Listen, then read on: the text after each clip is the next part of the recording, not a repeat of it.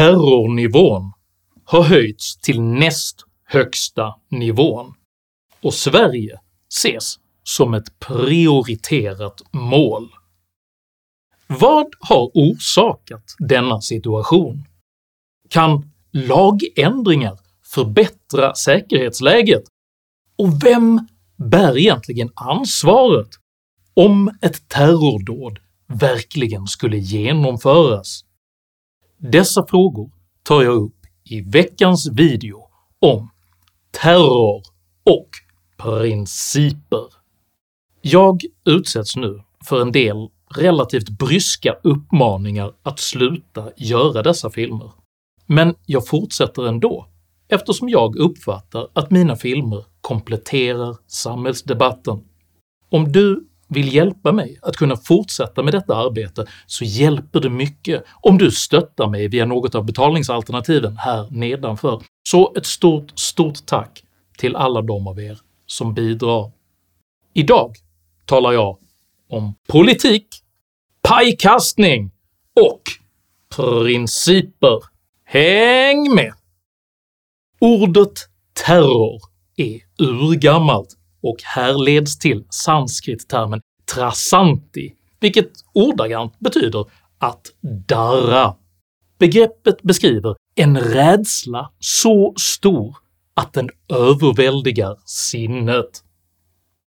Att överväldiga sinnet och sätta omdömesförmågan ur spel är än idag syftet med vad vi kallar terrorism, och i Sverige uppmanar därför utrikesminister Tobias Billström till vaksamhet, men inte till rädsla. Man ska höra av sig till Säkerhetspolisen om man upplever att det finns skäl att rapportera in någonting. Rädsla däremot, det är någonting helt annat. Det ska vi inte visa och det ska vi inte heller känna därför att rädsla, det skadar bara oss själva. Det viktiga är att visa vaksamhet. I förra veckan höjde Säkerhetspolisen Sveriges terrorhotnivå från förhöjt till högt hot. Detta skedde efter att brittisk underrättelsetjänst bedömt det mycket troligt att terrorister kommer att försöka genomföra attacker på svensk mark. Terrorhotnivån den har alltså höjts från nivå 3, förhöjt hot, till nivå 4, högt hot. Frågan har aktualiserats ytterligare efter att Storbritannien ändrat sina råd om resor till Sverige.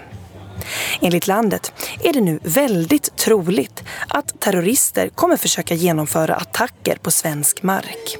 De brukar inte vara alarmistiska, de brukar vara välunderbyggda i sina underrättelsebedömanden. De har dessutom en historik globalt av att ha jobbat med den här typen av hotbild mot sina medborgare under lång tid. Vilket gör att, att det är nog ganska spetsigt när just de kommer med den här. Anledningen till att Sverige specifikt pekas ut som ett mål för terroristattacker är den serie koranbränningar som genomförts i landet, samtidigt som man internationellt etablerat den felaktiga bilden av Sverige som fientligt inställt till islam. Ja, ännu en koranbränning ägde alltså rum idag, den här gången utanför den iranska ambassaden på Lidingö i Stockholm. Den negativa Sverigebilden är en av de främsta anledningarna till det försämrade säkerhetsläget enligt Säpo. Du har talat tidigare om eh, en bild av att Sverige skulle vara ett islamfientligt land. Det finns en, en, felaktig bild av att Sverige motarbetar muslimer. Vi har ju haft en, en, pågående kampanj under ett antal år också där det finns en bild av att Sverige kidnappar muslimska barn. Anledningarna till att Sverige hamnat i detta utsatta läge är många. Ett skäl som Säpo anger är att Ryssland genom destabilisering försöker förhindra Sveriges NATO-medlemskap genom att bland annat antagonisera Turkiet. Att Ryssland på alla sätt motverkar den svenska NATO-anslutningen, det vet vi. Att Ryssland starkt ogillar att jag träffade president Zelensky igår och att vi stöttar Ukraina på många sätt, det vet vi också. Så det är klart att Ryssland gör nu allt de kan för att försämra den svenska säkerheten.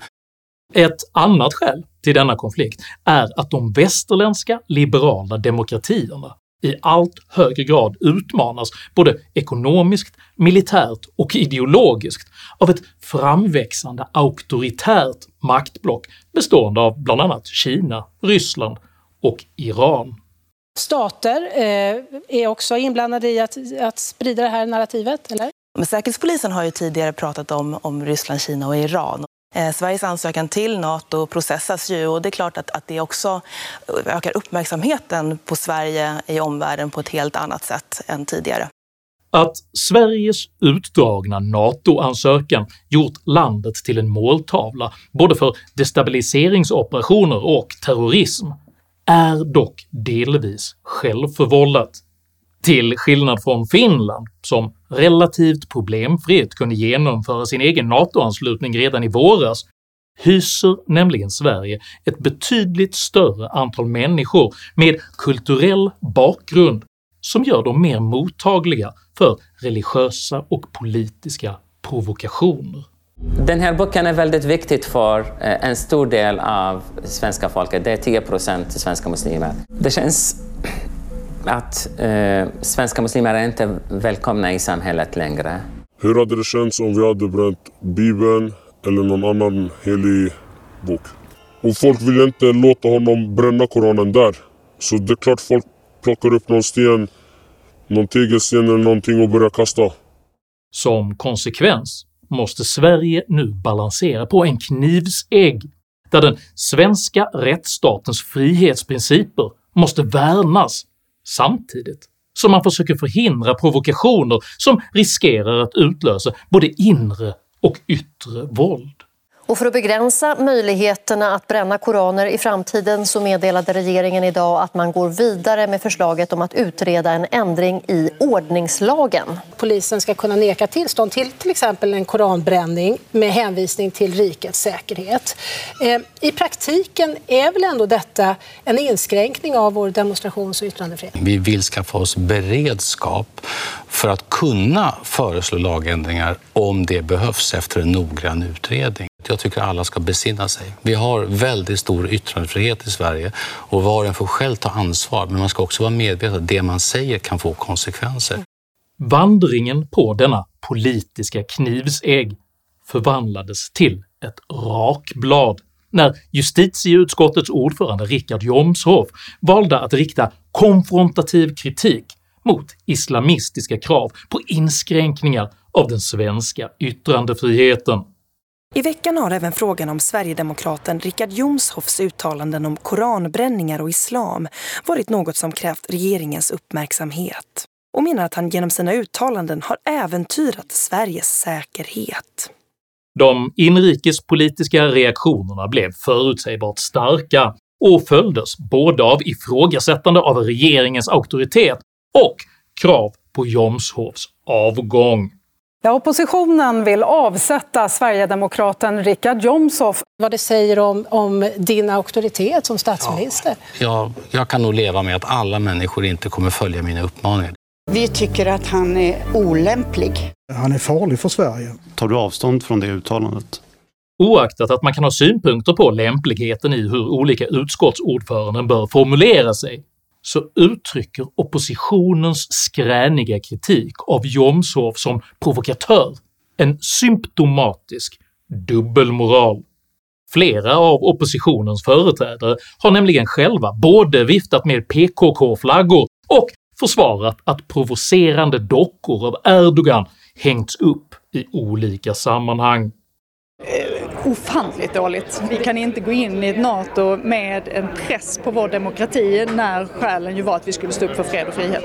Jag måste vara väldigt tydlig med att stå upp för svenska grundlagar. Det har inte den här regeringen gjort på ett tillräckligt tydligt sätt. Vi låter oss inte påverkas av eh, diktatorer.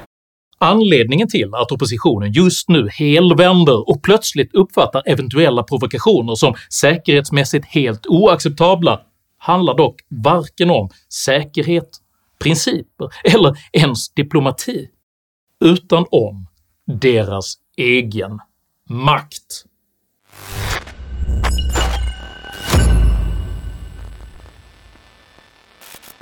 En av anledningarna till oppositionens oproportionerliga kritik av Richard Jomshofs twittrande är att man konsekvent försöker fälla regeringen genom att förstärka meningsskiljaktigheter mellan Tidöpartierna, och det överordnade motivet bakom detta är brutalt sinistert. man positionerar sig för att vinna politiskt på ett eventuellt terrorattentat. Detta vulgära narrativ sammanfattades mycket väl av Aftonbladets politiska chefredaktör Anders Lindberg under rubriken “SD gjorde oss till terroristernas mål”. Men hur uppstod denna sårbarhet? Hur blev Sverige ett land där hatbrott mot muslimer inte förbjuds och bokbål på något obegripligt sätt blivit en symbol för yttrandefrihet? Slutsatsen är i all enkelhet följande om inte SD och partiets nätverk startat och sedan drivit på utvecklingen så hade inget av detta hänt. Taktiken är makaber men effektiv. Man förbereder ett medialt narrativ där Sverigedemokraterna ska beskyllas för ett kommande terrordåd. Genom att kanalisera den emotionella reaktionen på en sådan tragedi mot just Sverigedemokraterna och i förlängningen mot den regering som samarbetar med dem hoppas man själv kunna återta makten. Inför detta mål betraktas kohandel med den svenska yttrandefriheten som ett billigt bondeoffer, för svenskar tenderar att varken förstå eller värdera de principiella argumenten för vare sig demokrati eller yttrandefrihet. Jag önskar ju att man skulle göra någonting åt det här med koranbränningarna för att är, man kan inte bara hela tiden prata om vår yttrandefrihet och demokrati. Ordvalet är både talande och representativt. För åsikten att vi inte hela tiden kan ta hänsyn till vår yttrandefrihet och demokrati speglar faktiskt vad en stor del av det svenska folket tycker. I rapporten “Politisk tolerans och självcensur i orostider” från 2021 redovisar statsvetarna Thomas Persson och Sten Widmalm siffror från SOM-institutets mätningar vilka visar att svenskar i hög grad är beredda att inskränka demokratiska rättigheter för personer och grupper de själva ogillar.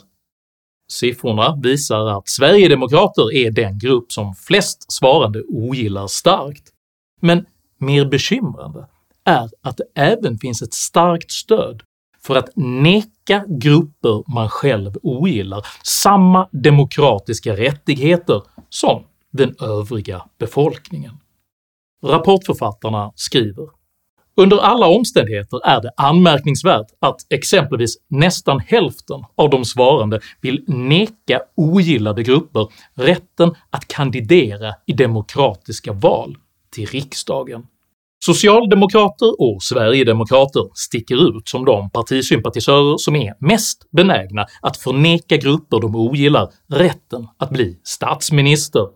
Men även bland befolkningen som helhet vill hela 64% inte tillåta personer de ogillar att bli statsminister, och 45% vill inte ens låta dem kandidera till riksdagen. Samtidigt som nästan hälften av svenskarna alltså är beredda att neka ogillade grupper rätten till att kandidera till demokratiska val, så anser 93% av svenskarna att det är viktigt att landet de lever i är demokratiskt. Sammantaget röjer detta en dyster bild. Många svenskar förstår helt enkelt inte vad demokratiska principer är för något. Så nu tänker jag förklara det.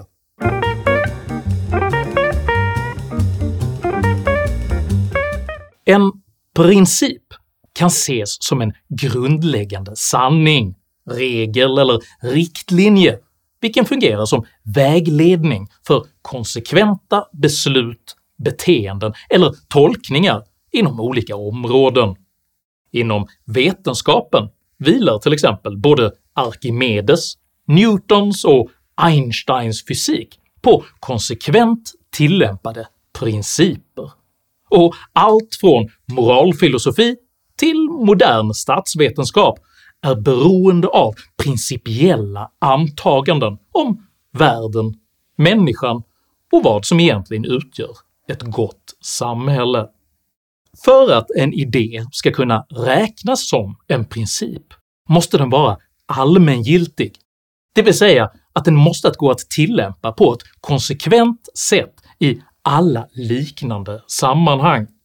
Om Arkimedes idé om vattenundanträngningsmekanik bara hade varit giltig i hans eget badkar hade den till exempel inte kvalificerat sig som en princip. På samma sätt kan inte heller tesen “människan bör vara fri” utom de jag inte gillar betraktas som en konsekvent tillämpbar och allmängiltig princip. På grund av detta är det nödvändigt att kunna skilja på åsikter och principer. Det går utmärkt för person A att uttrycka åsikten att person B i sin tur uttrycker mycket, mycket dåliga åsikter eftersom detta konsekvent följer principen om ömsesidig yttrandefrihet.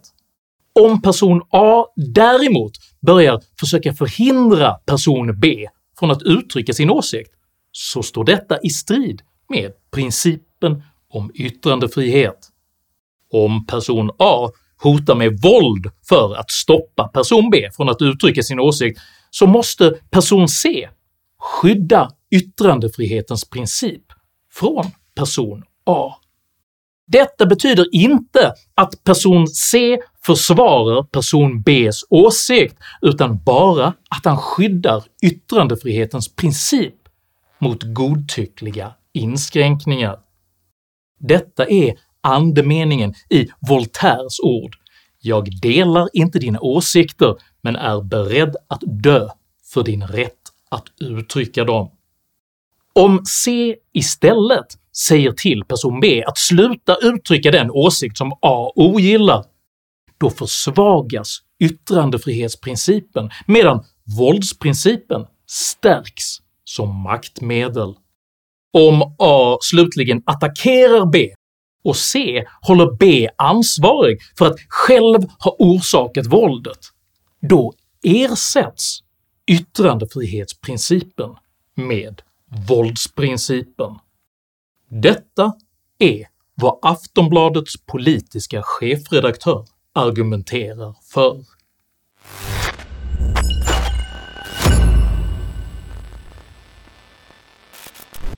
Den principiella konsekvensen av att i rådande läge ge efter för teokratiska påtryckningar sammanfattades mycket, mycket konkret av den tidigare socialdemokratiska politikern Nalin Baksi. Kan det inte ändå finnas en poäng med att man, man helt enkelt förbjuder det för att lugna ner situationen? I det läget vi hamnat i, då betyder det om vi ger efter, alltså om vi ger de här krafterna ett lillfinger, då kommer de inte nöja sig med det. De kommer ta hela handen och hela armen. Samtidigt är det exakt denna skuldförflyttning som vänsteroppositionen nu håller på att göra till sitt överordnade narrativ. Den som uttrycker något som misshagar islamistiska terrorister bär ansvaret för eventuella terrorattacker. Detta är inte bara manipulativt, ohederligt och faktiskt direkt farligt, det innebär även att man säljer ut grundläggande demokratiska principer för att vinna kortsiktig politisk makt. Uppfattningen att de åsikter som för ögonblicket tjänar vänstern bäst bör överordnas grundläggande demokratiska principer är en medvetet cynisk strategi med mycket allvarliga konsekvenser. Inte bara för att de principer som bär upp det svenska samhället gradvis offras på populismens altare, utan också för att det skapar ett demokratiskt underskott som gör det omöjligt för väljarna att förstå vilken politik de olika partierna egentligen står för. Språkkrav för medborgarskap var till exempel alldeles nyss en magnet för främlingsfientliga väljare, men är nu att ta ansvar för Sverige. Så när Reinfeldt då ville skärpa kraven för anhöriginvandring då spelade han enligt dig det du kallade för det främlingsfientliga kortet och Folkpartiets förslag om språkkrav det var en magnet för främlingsfientliga väljare. Nu genomför du själv de här delarna. Nej, men jag har tänkt om där. minskad invandring var nyss totalförbjudet att ens diskutera, tills det blev det enda som alla diskuterar. Mitt Europa bygger inte murar! Vi ska fortsätta ha en mycket stram migrationspolitik. Och på samma sätt ansågs NATO-medlemskap alldeles nyss vara ett säkerhetshot, tills det över en natt ansågs vara en garant för säkerheten. Och det blir inga ansökningar om något medlemskap så länge vi har en socialdemokratisk regering. Jag kommer definitivt aldrig, så länge jag är försvarsminister, att medverka i en sån process. Du och ditt parti har alltså gjort en helomvändning eh, när det kommer till NATO. Nu får det vara klart med det här. Med liknande krumbukter försöker nu vänsteroppositionen alltså att reducera ännu en komplex och allvarlig principfråga till billig partipolitisk pajkastning. I det här allvarliga läget så har han då skickat ut en tweet där han säger att profeten Muhammed var slavhandlare och massmördare. Alltså man kan ju bara tänka sig hur det här riskerar att tas emot eh, utav en del eh, kretsar som kanske då kan triggas till att, att begå eh, terrordåd. I en tid när rädsla så stor att den överväldigar sinnet snart riskerar att dominera ett samhälle med redan uppenbart svag demokratisk kompass är det exceptionellt oansvarigt av oppositionen att prioritera en helt annan princip. Sin egen makt. Om du uppskattade innehållet i denna video så hjälper det mycket om du delar den med dina vänner och kanske till och med stöttar mitt arbete via något av betalningsalternativen här nedanför. Dela även gärna med dig av dina egna åsikter och erfarenheter i kommentarsfältet här nedanför, men jag ber dig att alltid vara artig. Jag accepterar inte aggression, personpåhopp eller rasism i mina idédrivna kommentarsfält. Tack för att du som kommenterar respekterar detta. Jag heter Henrik Jönsson och jag anser att principer väger tyngre än åsikter. Tack för mig och tack för att du har lyssnat.